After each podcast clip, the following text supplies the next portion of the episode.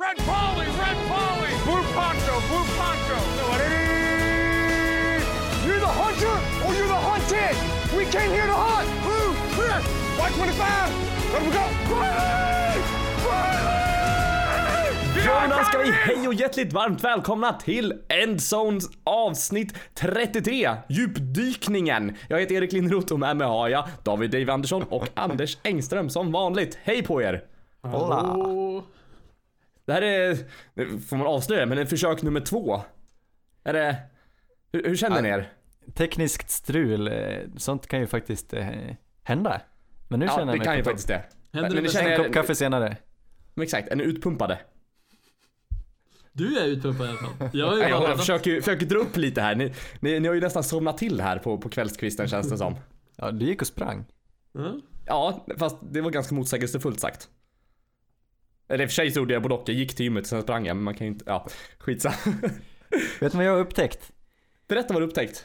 När man knäcker ägg, Ja. så här är det. Jag har aldrig... Kan du jag göra har med en hand mig, nej, nej, nej, det är steg nummer två. Men vet du, jag har upptäckt steg nummer ett. För jag har alltid hört, och alla jag någonsin har sett har gjort likadant. Man har knäckt ett ägg mot en eh, skarp, lite vass yta. Mhm.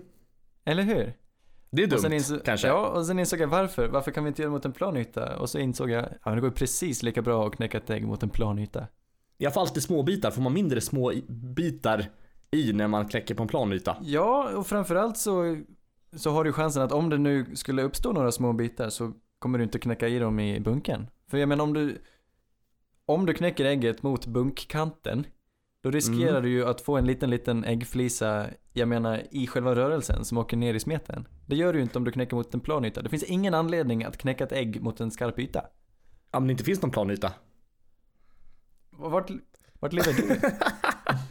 Eller om man använder Ett såna kök här, utan plana ut. Ja. såna här plastmöbler så man inte liksom kan knäcka dem mot dem. Då måste man ju ha något, något annat. Vita plaststolar så. Ja precis, eller plastbord. Ja. Men då finns det oftast en liten askkopp där i mitten på det plastbordet. Sant, sant. kan man vända den upp och ner, knäcka ägget på baksidan där. Problemlösare du Erik, fan. Ja visst är det. Man får inte, man får inte vara dum. Nej, Nej. Men jag tänker att... äh, vi behöver inte prata om knäcka ägg. Vi ska kn, knäcka, knäcka ben. Nej, vi ska prata lite NFL. Ja, vi ska slå våra kloka huvuden ihop. Vi ska knåda degen. Lite så. Och prata lite nyheter tänkte jag. Jag tänkte att du skulle säga, för vi brukar prata amerikansk fotboll i den här podden. Ja, men nu sa du det. Ja, det gjorde jag. Och det har ju eh, hänt lite grejer tänkte jag säga. Det har inte hänt jättemycket.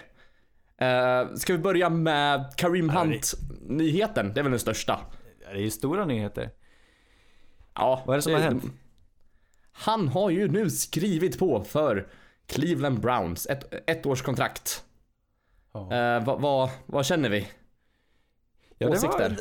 Lite, lite vågat. Jag tycker Cleveland Browns, de tar en liten PR-smäll som eh, signar Kareem Hunt. Som ju liksom eh, har att se fram emot en, eh, en gedigen avstängning får man tro efter det som hände.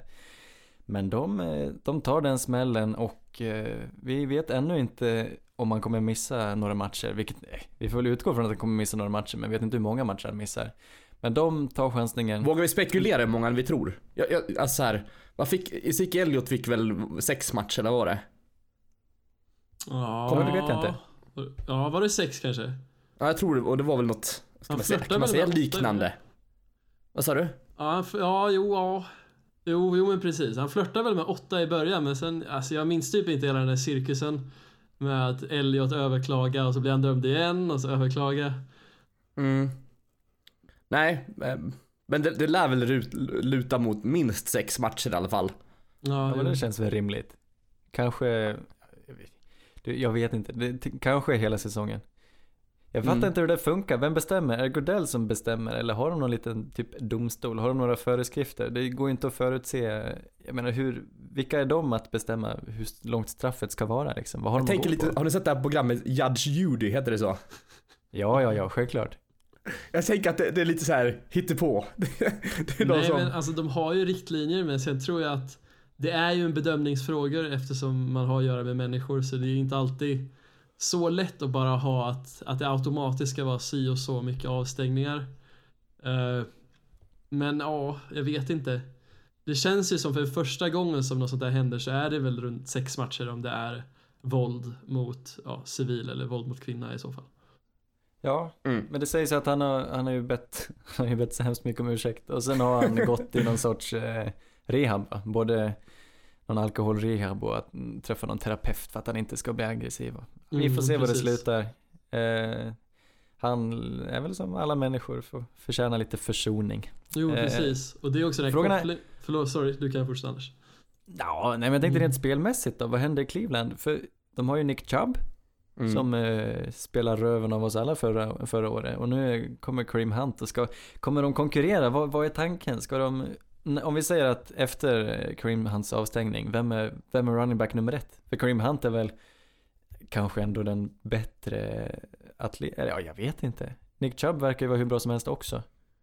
Alltså Mm. jag tror ändå att Chubb kommer väl fortsätta att vara deras RB1 ifall han fortsätter att prestera bra under året. Alltså de veckorna som Hunt är avstängd. Ja, nej men det är sant.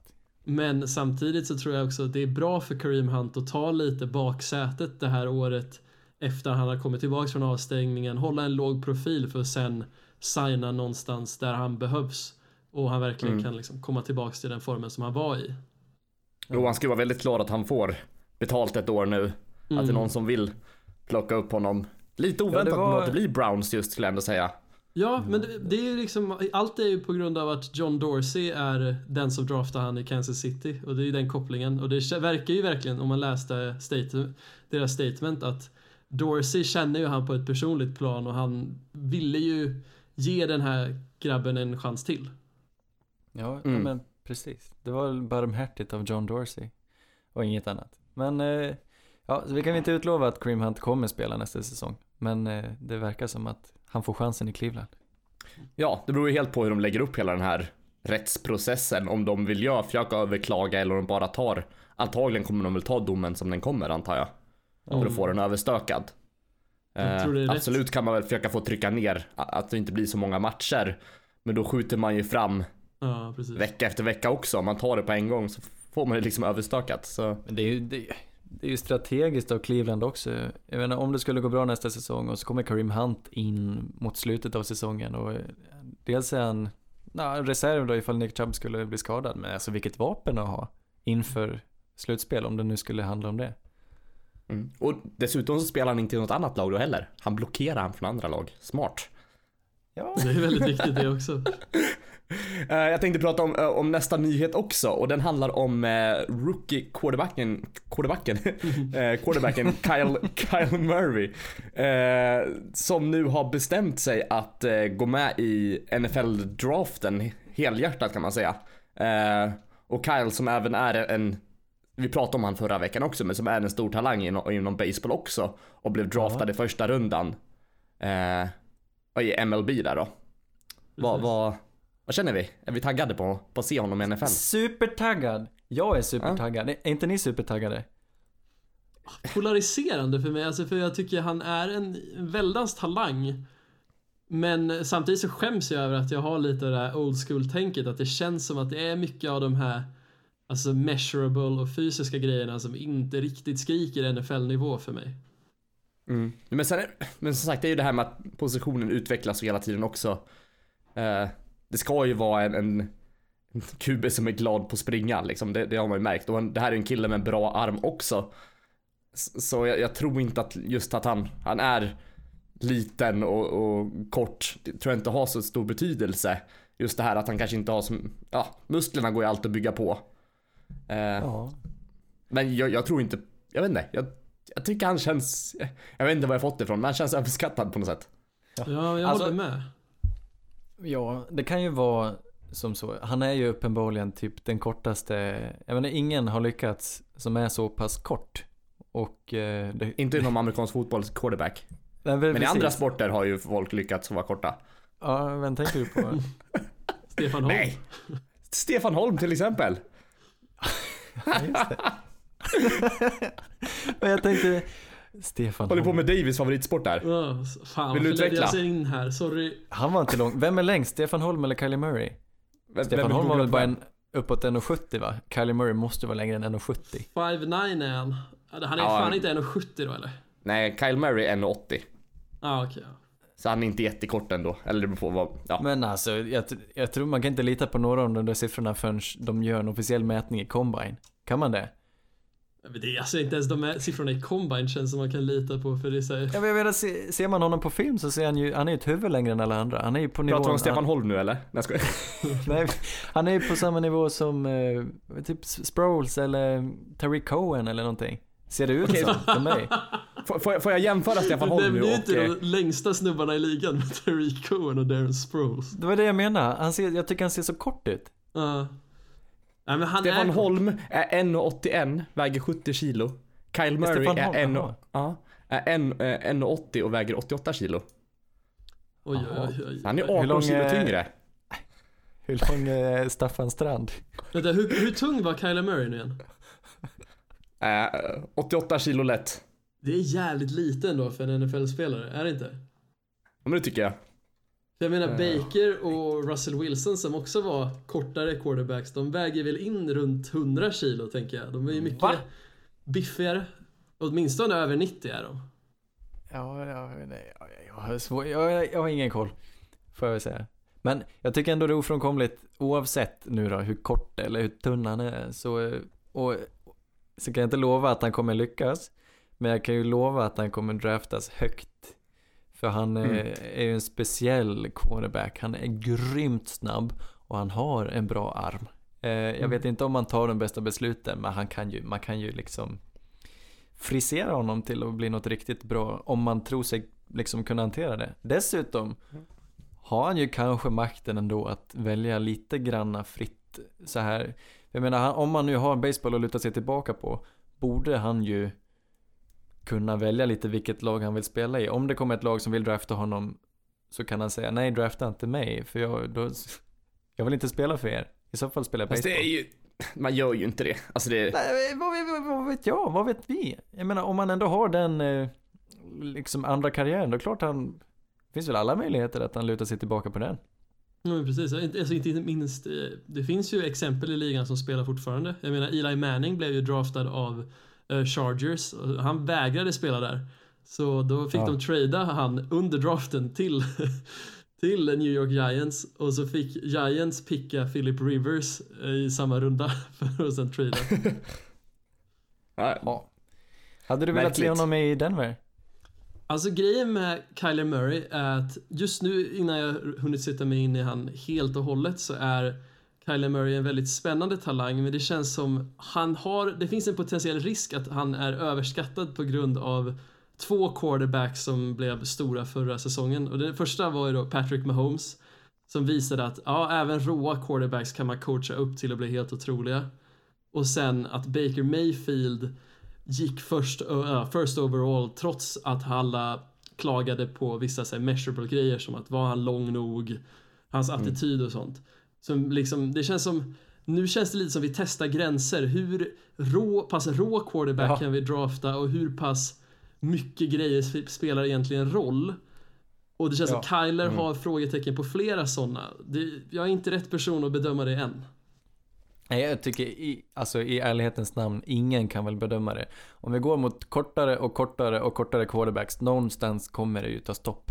Men att vi går, det går inte att veta om det kommer ta stopp här eller inte. Nej, Eh, precis. nej. Någonting Någon som oroar mig Någonting som oroar mig också är att han var känd för att han var snabb och springa med bollen. När han liksom jag vet inte, det känns som om receptet för att en kort QB ska lyckas måste väl ändå vara att han är känd för sitt Alltså sitt passningsspel först och främst. Ja. Ja, fast ligan Det är lutar ju inte, alltså går ju åt andra hållet mera. Och nu har han ju en bra arm också, det vet vi ju. Så eh, han har ju, han har ju inte bara snabbheten, det är det som är grejen.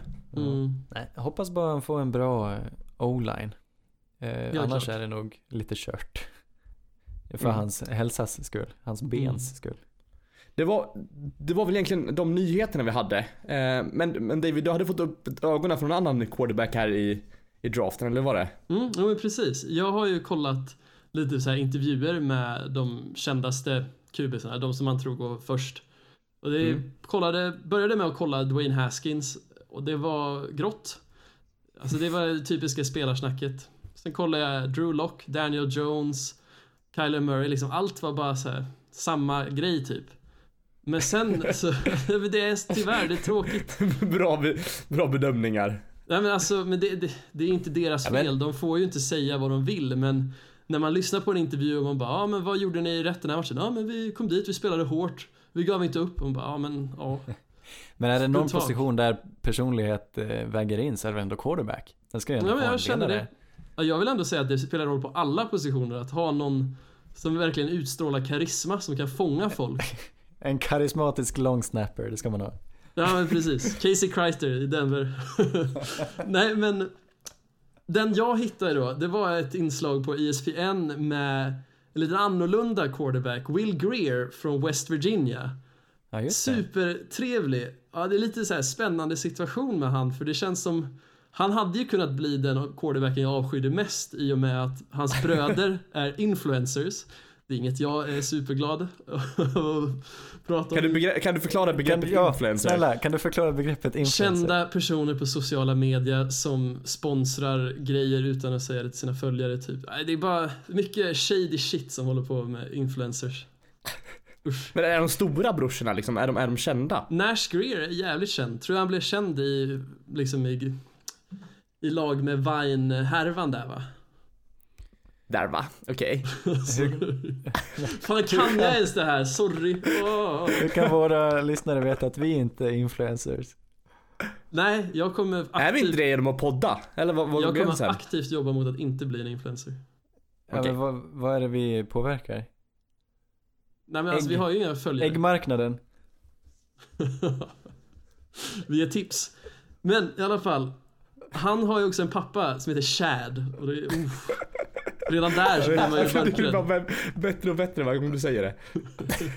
Men Will Jag vet vilken Greer. relation du har till namnet, det mest det. Chad. Sist vi... Chad ja. Ja, det. Sist, sist vi träffades, jag vet inte hur många gånger du sa det, alltså inte just för att det var hans pappas namn utan bara för att du störde dig på begreppet Chad. Nej, men alltså det är ju det här klassiska barstool-namnet. Chad och Brad. och Det är snubbar i piké med typ... Nej, fy fan alltså. Det, alltså. det visar ju lite vilken person jag är som inte är bekväma med sådana personer, men alltså... Nej, fy fan alltså. Men nu vet du inte hur Chad är. Du kan inte... Han var jävligt trevlig ju- på intervjun men just namnet får ju mig rysa. Nackhåren bara reste sig upp hörde Chad. Men i alla fall tillbaks till Will. Will är ju väldigt speciell då för han är ju ganska ung. Men redan en eh, familjeman liksom. Han skulle säga att hans favoritgrejer i livet är ju spela fotboll. Umgås med sin fru. krocket. Nej, umgås med sin fru och sin dotter. Och jag tyckte Oj. det var så jävla fint att se den relationen han hade till sin dotter i det här klippet. Och sen att han i intervjuer inte är rädd för att visa fram lite känslor och sånt.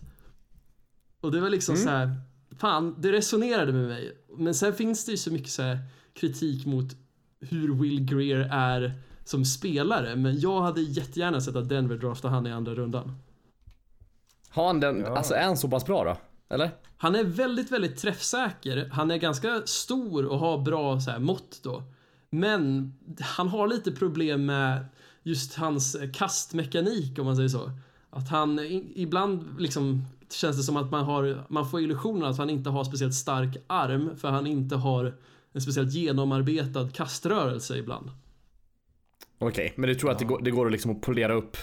Absolut. Med rätt coach så tror jag i alla fall att man, man borde kunna få någonting ut från honom och han har ju verkligen den här sinneslaget som jag förknippar med bra quarterback-spel. Att han är liksom, han har något att spela för sin familj och han älskar sporten. Det är typ, ja. Ja. det är A och O för mig känner jag. Tror du han går hem hos Elway?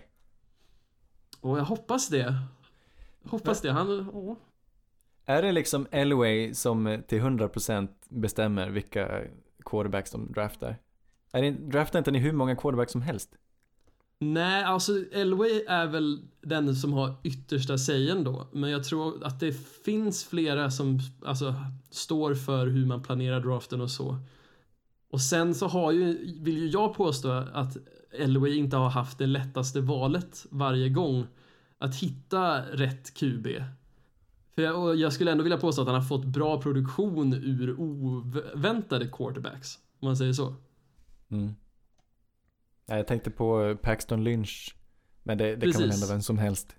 Det var ju en väldigt stor miss. Men samtidigt Ja. så var liksom de som fick den quarterbacken som var näst, alltså bäst efter det, Dak Prescott, de cowboys, de var ju lika taggade på att drafta Paxton som oss. Så det är liksom så här. Jag vet inte, ibland känns det som att det bara är otur. Ja. Nej men det är lätt att vara efterklok va? Mm.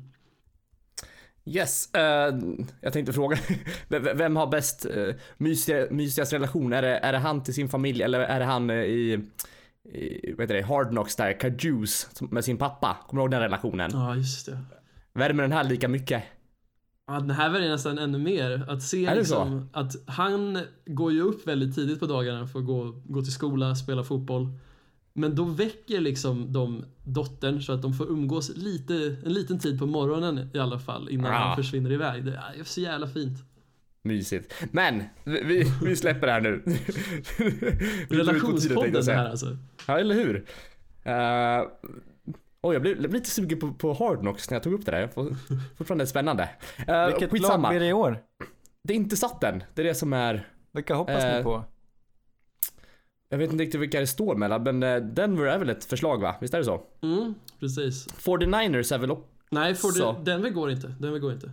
49ers är Nej. ett förslag. För Denver har ju fått en Ja. ny headcoach och då Ah, är inte de med.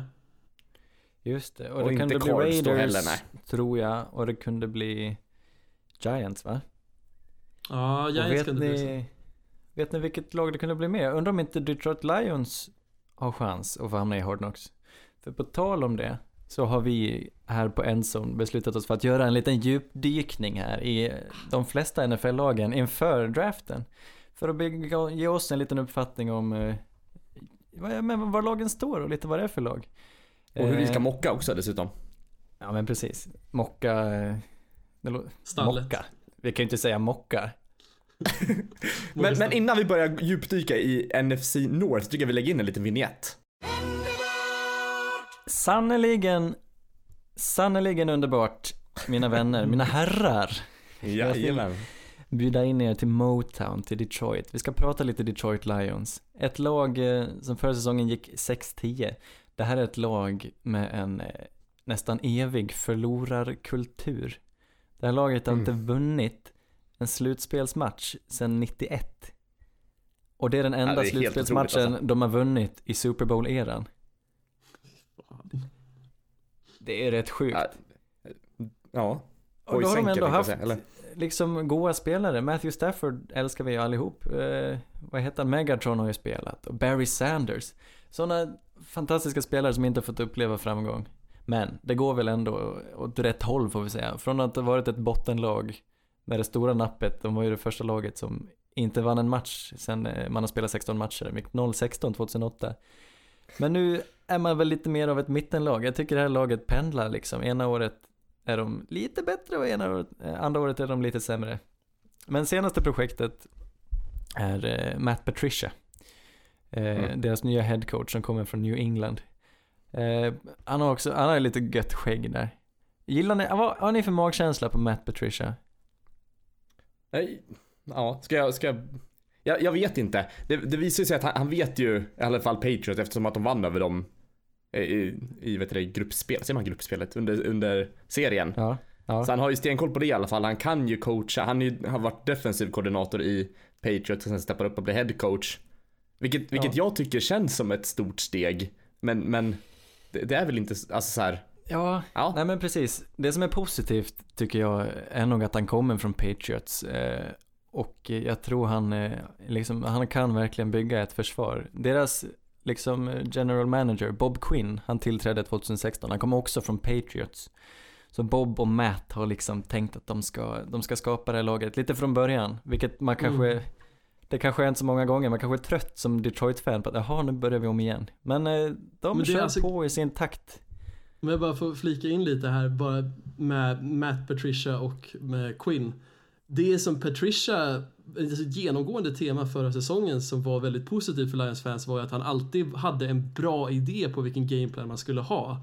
För han Ja. var ju ett av de lagen som vann mot Patriots men också var ju han den som levererade mallen till hur man slår Rams som Patriots sen utnyttjade i Super Bowl. Exakt, som faktiskt Bill Belichick också sa att det var Detroit som visade. Det, tack för att du säger det David. Jag tycker det är det, kanske det som talar mest för Matt Patricia. Att de har en plan och de verkar kunna anpassa sig till laget de möter och så har det inte riktigt varit tidigare i Detroit. Eh, så det, jag tycker ändå man ska se på Detroit med en viss optimism. Även om det finns det som saknas. Vi vet ju inte hur Matt Patricia är med spelarna. Jag vet inte hur det ser ut i omklädningsrummet och sådär. Om det är god stämning och eh, de saknar också några, några spelare på viktiga positioner. Tycker jag. Mm. Eh, men de, de har liksom börjat från, från mitten. De har länge, de har draftat mycket o-line de senaste drafterna. Tre av de fyra senaste drafterna har de plockat en o-line gubbe i första rundan. Och sen har man gått över lite på D-line. Man har ju, man tradade till sig Snacks Harrison förra säsongen.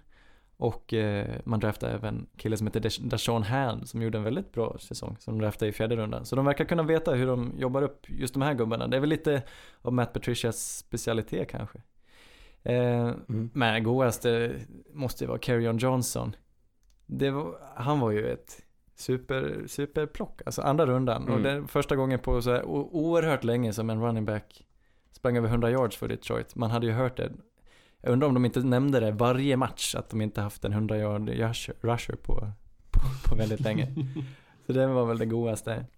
Mm. Men annars, ja, de har hyggligt försvar nu, men uh, anfallet är inte så bra. Eller det krävs nya spelare. Jag funderar lite på vad, vad, vad, vad som krävs. Eh, och delvis då för det de har gjort nu är att de har slängt ut sin gamla offensive coordinator Jim Bob Cooter och tagit in en som heter Daryl Bevell. Som sägs, han har varit i Seahawks mycket. Det, det liksom ryktas om att de ska satsa mycket på springspelet eh, ändå. Eh, men kanske avlasta Matt Stafford lite för han har inte, han har inte riktigt gått från klarhet till klarhet med Stafford utan han har haft en liten dipp. Men då har de tagit in en ny QB-coach också för kanske, kanske vända på Matt Staffords trend. Men om man uh, kollar på, på säsongen i år, förra säsongen var ju en sån här riktig så här comeback. Flera matcher de, de hämtade igen underläge. Och jag tror många väntade, de, de, de låg ju under nästan varje match i början där men så ja. vände i slutet och så fortsatte den här säsongen. Många trodde väl att det skulle bli sådana här vändningar även den här säsongen, men de kom ju aldrig. Jag vet inte, det... Nej, ja. alltså det går inte... Det går inte att vara för optimistisk heller. Jag menar, det känns som de var mer klatsch förra året på något sätt. talar sitt tydliga språk. Du har rätt. Så det är klart, de får kritik också. Men man får inte glömma då att de har haft många skador. De tappade ju Carrion Johnson, de tappade Dashon Hand under säsongen.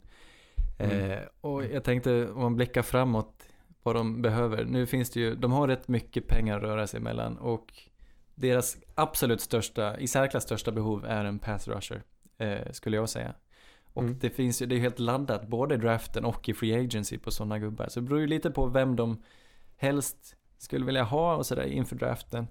Men eh, är det ett behov då även i april så kommer de välja, de plockar som nummer åtta. Jag är mm. ganska säker på att de kommer, de kommer nog välja en pass rusher. Mm. Eh, men det finns ju andra alternativ då. Eh, de säkert liksom de kan nog tänka sig att träda ner om de skulle hitta det erbjudandet. Men det är också svårt att hitta någon som skulle vilja träda upp just till position 8 tror jag. Andra positioner de letar på är nog tight end och cornerback. De behöver, de behöver ladda upp mycket i hela anfallet. Tycker du att deras liksom skill position ser, ser komplett, eller behövs det fyllas på med typ wide receivers? Det behövs. De tradade bort Golden Tate, eh, så där behöver mm. de definitivt en ny. De har usla tight ends, eh, det har inte gått bra alls. Mm. Och eh, Kerryon Johnson kan inte kanske ta allt själv, för vad heter han, Blount försvinner nu. Så de behöver ju hitta en running back också på något sätt. Så det går inte, mm. om jag nu ska förutspå någonting eh, inför nästa säsong så, så tycker jag det är svårt att säga. Om allting klaffar om de hittar bra spelare på alla positioner som de behöver så tror jag de är så pass välcoachade att de har chansen att gå till slutspel. Men det säger man varje år med Detroit, eh, så jag vågar absolut inte. Det är en svår, det är en svår division. Det ska mycket till mm. för att nästa år ska vara deras år. Men eh, jag tycker ändå, jag är optimistisk inför framtiden. Jag, har, jag tycker de har framtiden för sig. Mm. Vad tror ni? Men just den här tight end positionen, det är ju svårt. Det känns som att det är många lag som, som, som letar, men det är få som håller måttet liksom. Antingen så har man ju någon, någon skev bild av det och man vill ju se en sån här, jag vet inte, en tight end som klarar allt som är helt Mm. sjuk på att blocka, kan ta emot helt galna passningar. Men det är ju ovanligt. Det känns som att Det är så antingen är man otroligt bra på sådana dyker upp i draften. Ja, men exakt, antingen är man lite bättre på det ena än det andra liksom. Antingen är man en bättre receiver än, än en blockare eller så är man mer specialiserad på att blocka liksom förlänga. Uh, Nej jag vet inte. Det, det Ja, känns som att här- många lag som skriker efter en bra tight end. Det känns som att de går högre och högre i draften för varje år som går. Det, det är liksom, det är en position som, som lag verkligen drömmer om nu för tiden. Mm. Precis. Jag vill, för, eh, kan, jag måste få prata om eh, en spelare till. Kan du inte prata om färgen också? Honolulu blå. Det är fint. Det är fint. Jag vet inte varför. var- Varför kallar de den Honolulu blå? Är, förknippar man? Ja, det är väl vattnet på Hawaii då. Ah. Men det är deras officiella färg på uniformerna. Eh, jag är det ska- deras motsvarighet till faluröd?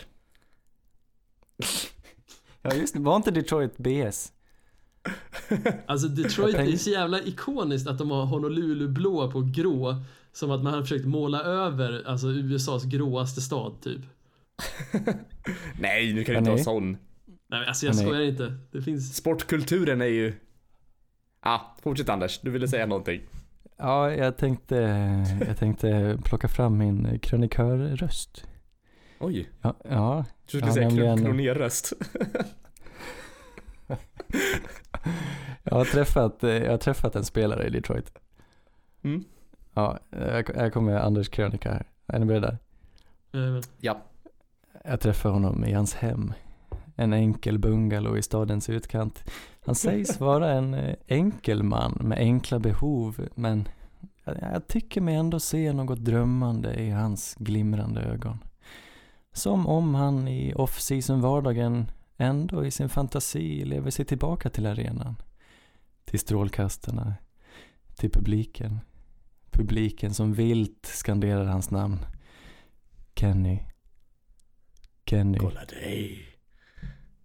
Kenny. Jag frågar Ja. Kenny Golladay vad som ligger bakom hans nyvunna framgång i laget. My hands are glue man, säger han. Mina händer är klister. Löst översatt. löst. Vi har en lång, gemytlig pratstund och Jag tror jag att det räcker med för krönikaren där. kaffet. och har tagit på mig min rock för att bege mig ut i det kylslagna Detroit. Då säger han till mig innan jag hinner gå. Vet du vad de kommer kalla mig? Nej, svarar jag. Lite frågande. Och han tittar på mig länge med en lite busig blick. Och till slut så säger han med ett stolt leende. Kennytron. Dock, underrated, hade det varit jävligt fett om Kenny Golladay fick smeknamnet Bumblebee. Så här som det fortsätter i Transformers-termer. Det hade varit fett. Jag tycker Kennytron är fett. Hädanefter heter Kenny Golladay Kennytron. Det var, det var en fin eh, berättelse. Förlåt Mm. att Ja, jag det var en krönika. dig. Nej men, Men, alltså eh, jag, jag, jag, jag menar, jag har ändå åkt till Detroit. Jag måste få prata klart. Absolut. Jag ska, jag ska försöka inte avbryta dig igen. Ja, det var jävligt fin alltså, jag gillar Jag det. uppskattar ärligheten. Men jag Ja, men nästa, med, nästa alltså, gång så vill jag ha med kronerröst istället. Ja, jag lovar. Jag lider lite med eh, Golladay. kolla dig. Alltså jag du? lider lite med... Hallå? Hej, Ja. vi hör dig. Sorry. Vi bara Jag pratar i munnen på dig. Jag lider lite med Golladay för det är så här, det känns ändå som om de vill skapa ett nytt sorts Patriots där offensvis som det är så märkligt att de tradar Tate för de vill ju verkligen ha en bra slot receiver då.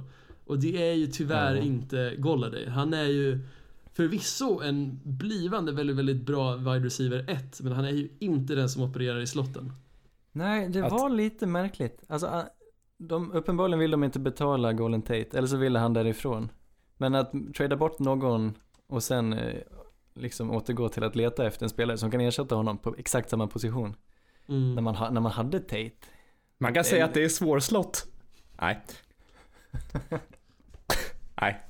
Nej. Eh, sk- ska vi gå vidare och prata om Bears? Ja, Erik, du har tittat på. Chicago.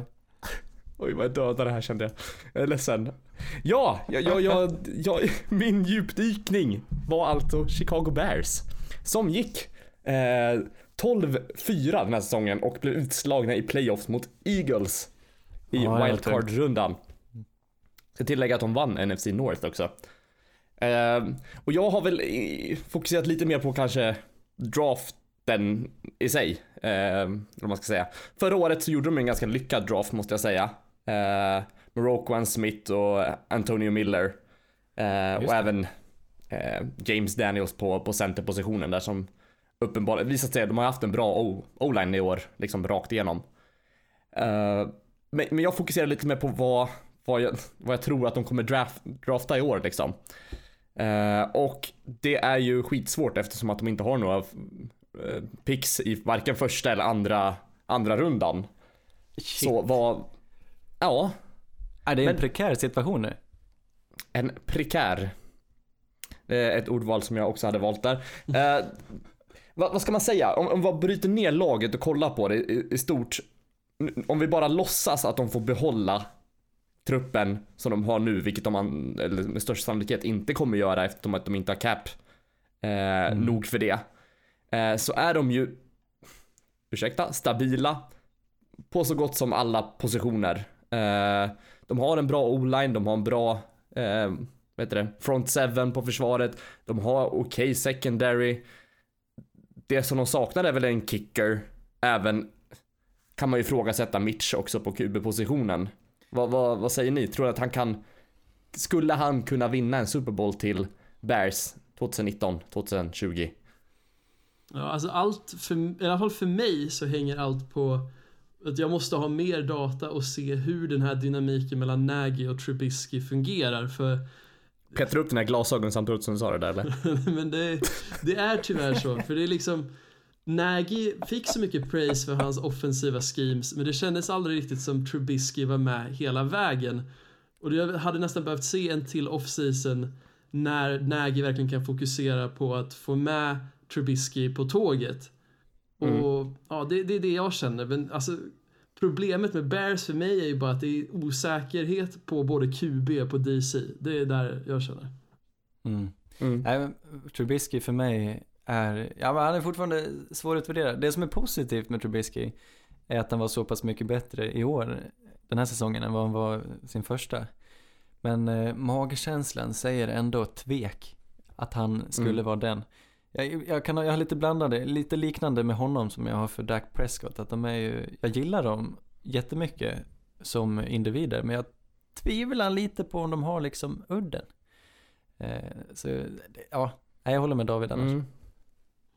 Ja, men om, om vi då försöker kolla på vad, vad de nu ska ta, vad är det de behöver i draften? Som sagt, de gav bort sin eh, sjätte runda och första runda då för Khalil Mack det här året.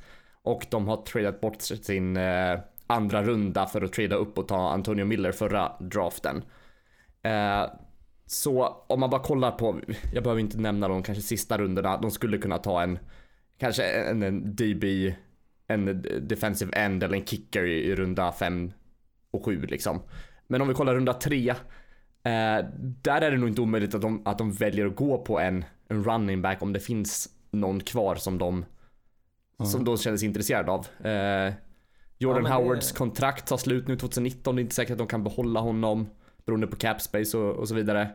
Eh, och då, om det då finns en running back som, som de tror på, då tror jag att, ja, att de kan ta en här. Inte säkert Eh. de vill behålla han heller för han passade ju inte riktigt i Nagys system förra året och det känns ju ändå som Nagy kanske vill ha någon lite mer passningsinställd running back och kör lite som Patriots gör med liksom att man har både Burkhead och White inne och något sånt. Då, de behöver någon som komplementerar alltså Tariq Cohen på det sättet också. Mm. Men annars om, om man inte väljer att ta en running back, om man väljer att att liksom tro på Jordan Howard, då tror jag ändå att man, man söker lite mer djup på dels typ cornerback-positionen eller safety-positionen på runda 3 och runda 4 här. Och försöker bunka upp lite där. För det är väl även, även en, en till på, på djup, alltså så här, på- på edge rusher Ja. skulle det kunna behövas lite mer djup också.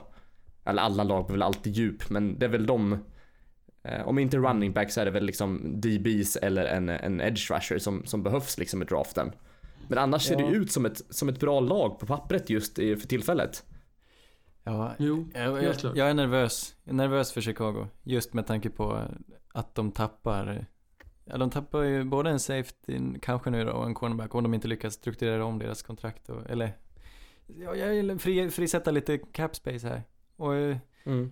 Man kan inte köpa exakt samma koncept nästa år. Och som David säger, Chuck Pagano istället för Vic Fangio. Vi kan få se, vi kan få se tillbakagång här i värsta fall. Mm. Mm, Och sen är frågan om man kan behålla hela receiver-coren eller måste drafta någon ny där. Sen är det även på tal om att de ska ta en ny tackle också. Så det, det, det finns ju... Ja, Eh, jag tittar nu. De, Ja. de, skulle, de skulle släppa loss 8 miljoner i cap space om de, om de eh, kickar Allen Robinson, om han får gå. mm. Han är, är ju inte har ju- så bra heller, Allen Robinson. Det är inte en topp-receiver, om man säger så. Han är okej, men han är ju inte... Frågan är, är Mm. han värd sina pengar? Ja, precis. Det skulle kunna bli så faktiskt. Och då måste de Ja. hitta någon annan. Men säger om man, man kollar på så här- deras... Om man förlåt. kollar på deras receiver nu, om man kollar på Gabriel, Robinson och Miller. Så är det ju, Miller har ju minst receptions och minst yards men flest touchdowns. Så de andra två har ju tagit emot betydligt fler passningar och gjort fler yards men har betydligt mindre touchdowns. Det är det som liksom, de väger upp varandra på något sätt. Mm. Mm. Ja, jag, jag gillar han Miller. Du, duktig rookie som också kämpar. Med, ja, han drog väl axeln ur led flera gånger men han körde på. Som man gör. Ja, det Som var mycket gör. skador på deras receivercore, var det inte? De haltade väl liksom in i slutspelet med Ja. hur mycket skador de hade på sin receivercore. Och sen även det här med Trey Burton om han blir kvar i laget, om de behöver någon ny tight end. Alltså det, det, ja, det, det är ett stort frågetecken för, för Bears nästa år. Mm. Ja, men samtidigt är det ju ett väldigt ilandsproblem när att de i, alltså det är egentligen det de söker är djup på många positioner. det, Ja, är så här, absolut. det är ju någonting som alla alltid har problem med, att ha djup. Mm. Men det är ju sällan Ja. prio ett. Hur ser det ut med Vikings djup då? Davy? Ja, alltså det är lite liknande ändå om vi bara ska prata lagbygge. Så, här, så tycker jag ändå att Vikings känns lite som Bears i det att de har ju pjäser på nästan alla positioner. Om jag skulle säga någonting så här som behövs just nu då i draften så är det väl att de måste få in guards för ett liksom om man tittar på förra säsongen så en av de mest eh, de största problemen de hade var att de kunde inte få igång något springspel eller så släppte de till för mycket press på grund av att deras guards var alldeles för dåliga vilket gjorde att hela linan eh, spelade sämre. Mm. Ja. Och- Nej, de är väl alldeles, alldeles för dåliga. Jo men precis, alltså det här var ändå med Case Keenum och Pat Shermer och så hittade de ju någon sjuk synergi så att det där spelar ingen roll och folk tänkte ju att ja men det fortsätter ju. Men det gör det ju tydligen inte för Kirk Cousins var inte alls bekväm bakom den här fickan och sen när de hade en coach eh, i John DeFilippo som var väldigt hypad när han blev anställd och de trodde man skulle göra magiska grejer med han och Kirk Cousins och med Adam Thielen och Stefan Diggs så det blev det ju inte så för de fick verkligen inte igång någonting, något springspel alls under säsongen. Och det gjorde de väldigt endimensionella. Och det är ju verkligen någonting som försvar kan äta eh, ens o-line då. Mm. Mm. Och det Ja, är men, eh, också... jag- ja, sorry. Nej, jag tycker, jag tycker guard i första rundan. Helt klart. De måste Mm. ju ta den bästa spelaren på, på bräda. Precis, och de draftar ju också på position 18 så de har ju ett prima läge att ifall de känner att det är tryck på guard, drafta en guard då på plats 18 eller Ja. trada ner till plats 20, alltså mitten på 20, vad är det, 20, 25, 26 typ och sen drafta guard. Fast jag tror, jag tror det, är många, det är många lag som behöver offensive line. Jag, jag, det är möjligt, jag tror nästan att det kan gå guards tidigt i år faktiskt. Jag tror inte de behöver trada ner. Jag tycker det är en rimlig position på plats 18 att plocka den bästa de Mm. tycker sig, sig se. Alltså det är mycket möjligt, men vi, jag vet inte, vi, draf, vi mockade ju förra året och det var väl Quentin Nelson som gick högt som guard. Men Mm. sen så känns det som i första rundan, då är det betydligt större fokus på center och tackle. Det är sällan en guard går högt. Vi har en Chris Lindstrom i, i draften här, en guard. Ja, Som kommer gå svenskt. relativt högt. Mm. Det låter väldigt svenskt. Jag är inte helt hundra vad, om man har en, en någon svensk koppling lär jag ha med det eh, efternamnet. Så vi får väl se om, eh, för det, det är en, eh, en guard som antagligen kommer gå de två, under de två första rundorna. Ja. De har Sen ju kan man ju... läge, oj förlåt. Nej. Oj, ja, oj, ja, men då, då tar jag upp det. De har ju ett prima läge att välja en linebacker på plats 18 också, för Anthony Barr kommer ju försvinna så småningom och de har ju ett problem med, eller de hade ett problem förra säsongen, såg man ju att bra lag kunde verkligen utnyttja att de har ingen linebacker som kan spela coverage. Anthony Barr är superbra i run defense och när han ska ruscha passaren, men han är inte bra på att covera receivers. Ja. Mm. De har också lite dålig eh, cap-situation, eller hur? Mm, precis, precis. Det är, Det är mycket bra. möjligt jag, att flera free agents lämnar. jag ska slänga in en eh, faktoid i ansiktet på dig här. Eh, släpper de Kyle Rudolph så sparar de eh, 7,6 miljoner i cap space. Mm. Det är rätt mycket alltså. Tjänar han så mycket alltså? Är han värd, är han värd det? Det är Alltså, väl. åh. Han har ju varit med i laget så länge och han är ju lite deras säkerhetsalternativ känns det som. Kyle Rudolph är ju alltid den som man måste tänka på i endzone om man försvarar mot eh, Minnesota Vikings. Men ja, jag vet inte. För övrigt, vad är skillnaden på ett fakta och en faktoid? Ingen aning. Att ingen använder ordet faktoid. Faktoid kanske är fake news då? Ja, nej, Jag vågar inte svara på det. Ja, men titta. Faktoid är i själva verket felaktigt. Ja, så där. Jaha. Jaha. Jag beklagar att Jag jag använde ordet fel. Det är helt okej. Mm. Men ja, om vi ska gå tillbaka så, alltså, om vi ska prata lite spelare från förra draften så vill jag ändå lyfta fram att de, de draftade ju Mike Hughes i första rundan, cornerback, som såg väldigt bra ut och var tänkt att vara den här spelaren som man har bredvid eh, Xavier Rhodes då. Men sen skadade han sig ganska tidigt i säsongen så ah, det blev lite...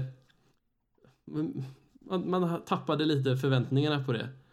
Men sen Mm. så steppade ju ändå, om vi ska lyfta fram en spelare så var det ju Brian O'Neill i andra rundan, tackle som blev den bästa spelaren på en- den o-linen då. Och det, ja, som sagt, det här är ju som med Bears att det är sällan som det kommer fram det här laget som är så pass balanserat att det liksom är någon spelare som verkligen alltså blow you away i draften, om man säger så. Mm. Det är mycket så här bara, eh, med. Men, Ja. Vad, vad är deras utsikter nästa år då? Det, de blev ju lite eh, satta på pottkanten. De, de var spelade så bra förra året och så tänkte många, nej men det kommer gå bra igen. Men det gick inte alls bra. Men liksom alla svagheter kom fram till ytan på något sätt. Nu, vad, vad ska man tro nu? Vad tror du? Alltså nyckeln är ju verkligen att få igång springspelet och verkligen se till att eller hoppas och be till gud att, hopp, att eh, Dalvin Cook håller sig frisk. För man, vi har ju sett glimtar av hur dominant han kan vara i en match. Men det var sällan vi fick se det förra året. Ja. Har vi någonting att tillägga eller ska vi gå in på sista laget i North? NFC? Nej, vi kan väl prata lite Packers. Vi har inte lika Ja. mycket, vi har inte efterforskat lika mycket på Packers. Men eh, Nej. vi vet att de draftar som nummer 12 och som nummer 30 i första rundan. Eftersom Mm. de eh, fick Saints eh, plock från efter att Saints hade tradat upp för Marcus Davenport förra året. Vi kanske kan bara spekulera i vad, vad vi tror att de väljer. Vad är deras behov? Vad, vad har ni för tankar? Guards och edge rushers är väl de alltså, största behoven. Mm. Ja. Också ett lag som skulle kunna tänka sig en tight end där antar jag. Ja, precis. Ja, Ja, men absolut. Graham. Ja, Graham, vilken enorm besvikelse. Han börjar Ja. bli gammal alltså. Det är sällan, länge sedan man såg någon verkligen dominant produktion från han. Ja. Ja, va, ja jag håller med. Eh, man saknar ju lite hans forna glans. Kanske behöva komma tillbaka till Saints för att få tillbaka lite spelglädje. Ja, ni tappar inte. ju en gammal eh, Benjamin Watson, så... Aj, fan, Ja, kommer exakt. in på Saints-snack. Förlåt. Nej, det var jag som bjöd in till dans. Eh, men, men eh, ja exakt. Så det, det, det är väl som, som du säger också, edge, tight end och Ja, det är svårt, svårt att säga tänkte jag säga. Men de har ju Kanske- som sagt Ja, kanske en... guldläge att trada lite här också i, draften om det skulle vara så. Ja, Tror, Nej, tror men de vill absolut. behålla båda sina första, eller båda picksen i första rundan här? Antingen så kan de ju investera båda för att trada upp och plocka en eh, tidig edge rusher som de vill ha. Men annars så, ja, jag vet inte. De har ju prima läge med sin sena första rundspick och plocka en guard. Eh, jag tänker den första, inte riktigt säker på vad de vill göra med den med den dock. Nej, men nummer 12. Och så om vi pratar TJ Hawkinson. Har ni tittat någonting på honom? Här, det är en tight end som, han växer och växer bland liksom alla spekulationer och han kan gå så tidigt som första halvan alltså. Mm. Eh, Va- det, jag vill kul. ändå se Green Bay som en möjlig spekulant på, på Hawkinson. Mm. Vi får Ja, väl är det Det är se. som väljer safety där känner jag. Nu bara lite spontant. De Ja. tradar ju bort Haha Clinton Dix och det känns som de behöver ju en ersättare där. Ja, det behöver de Pick absolut. 12, ja. Om det lite den här finns Derwin. James-rangen, spännande. Frågan är om det då, om det finns någon. Thompson, vad heter han? Nasir Adderley är någon annan safety. Om de är värda Precis. det plocket. Men Nasir Adderley går väl ganska sent i första tänker jag. Okej, ja, ja. Nej, det, det har du rätt i. Det är möjligt att de tar en safety då. Så har vi han Noah Fan, Fant, eller vad heter han? Också tight end som kommer gå relativt tidigt. Ja. Eh, men antagligen inte alls på samma nivå. Ja eller det, det är svårt att säga. Jag tror vi får se efter, efter combine kanske. Hur pass bra den här Hawkinson är. Tror vi kan få se två tight ends i första rundan? Det antar jag att vi kommer få. Och det, det är möjligt. Tvek. Tvek. Tror du inte det? Nej, alltså jag vet inte. Det känns som, även om vi ser förvåningar varje gång och vi är ju fortfarande relativt tidigt i draften så är det liksom, det här är ju fortfarande alltså, samma liga som det har varit de senaste 50 åren att gamla vanor sitter i. Och jag tror att om nå, vi kanske ser en tight end i första rundan men vi kommer ju inte se två när man, alltså de mockdrafts jag har tittat på så går ju TJ Hawkinson i alltså sena, vad är det, tonårssiffrorna, typ 18-19. Kanske Noah Fant på pick 30 till 32 men ja, jag vet inte. Jag måste berömma dig där lite Davy. Med di- ditt, eh, eh, vad sa du? Ga- gamla vanor. Du översatte uttrycket väldigt snabbt och smidigt där. Det är inte ofta du gör sånt. Oj, ja. det är nästan som vi har spelat in det här två gånger. Nästan så. Nej, men ja. Eh, vi får väl spekulera lite mer när vi, när vi, när vi sätter ihop vår mock, mockdraft sen också. Så vi, ja, eh, vad vi tror om de kommer behålla båda. Så vi, vi, vi ska väl fortsätta med djupdykning nästa vecka. Nästa Eh, vecka och blir det AFC South. Just det. Spännande. Oj, Är innan vi, innan vi glömmer. Jag vill ändå lyfta fram en spelare som jag fick väldigt varmt om hjärtat under säsongen i Packers. Det var ju Jair Alexander. Eh, Jag tror vet inte- mångas favorit nya. Precis, och matchen mot Rams då speciellt när han, jag tror han hade fem passes defended i hela matchen. Det var ju verkligen ett styrkebesked när han kommer tillbaks från en skada och gör det där. Det var där han blev stor för mig i alla fall. Mm. Ja. Också, eh, vi, alltså egentligen det är ju helt vidöppet vad som händer med Matt LaFleur när han tar tyglarna. Precis. Mm. Och vad han Men, gör med ja. Aaron Rodgers och sådär. Det, är- det är svår, svår, eh, svårt att spekulera. Men är det inte ganska mycket så här, om vi tittar lagen i eh, NFC North och om vi utesluter Lions för nuläget så känns det som att vi har tre lag som har ganska bra eh, position, alltså de är ganska bra position, eh, vad heter det, spelarmässigt men det är så mycket Mm. frågetecken på coachingpositionerna. Då har jag fel Ja. där. Men sen är det ju också det här med, med cap. Hur, my- hur mycket, hur kommer lagen se ut? Ja. Det, det, det, det, det jag har svårt att se hur de ska få ihop det. Ja, Mm. nej, ingen eh, tydlig favorit i nuläget. Eh, jag lovar att det kommer, Men om du måste picka en vinnare i NFC North här, vem, vilka väljer ni? Eller vem väljer ni? det är för himla oklart. Nej, jag säger, jag säger Packers. Jag, Jag håller med dig på den också faktiskt. Packers. Ja, Mm. nej men Aaron Rodgers och det är klart, det är ingen chansning med Matt LaFleur, men eh, de får nog ihop det. Jag tror att de kan Hyggligt. få en ny, ny tändning där också. Ja, Mm. Men det gäller ju som sagt att hitta rätt spelare för dem också.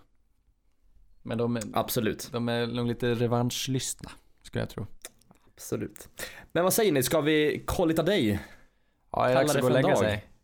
Absolut. Jag tror att det är eh, sängdags. Och eh, jag vill tacka alla er som har lyssnat. Eh, och jag vill säga till er att ni måste rekommendera, er för, rekommendera, oss för era vänner. Eh, gilla oss på Facebook, hör av er om ni har några frågor och funderingar. Eh, ja, det var väl allt vi hade att bjuda på som sagt. Tack för att ni lyssnade. Puss och kram. Hej!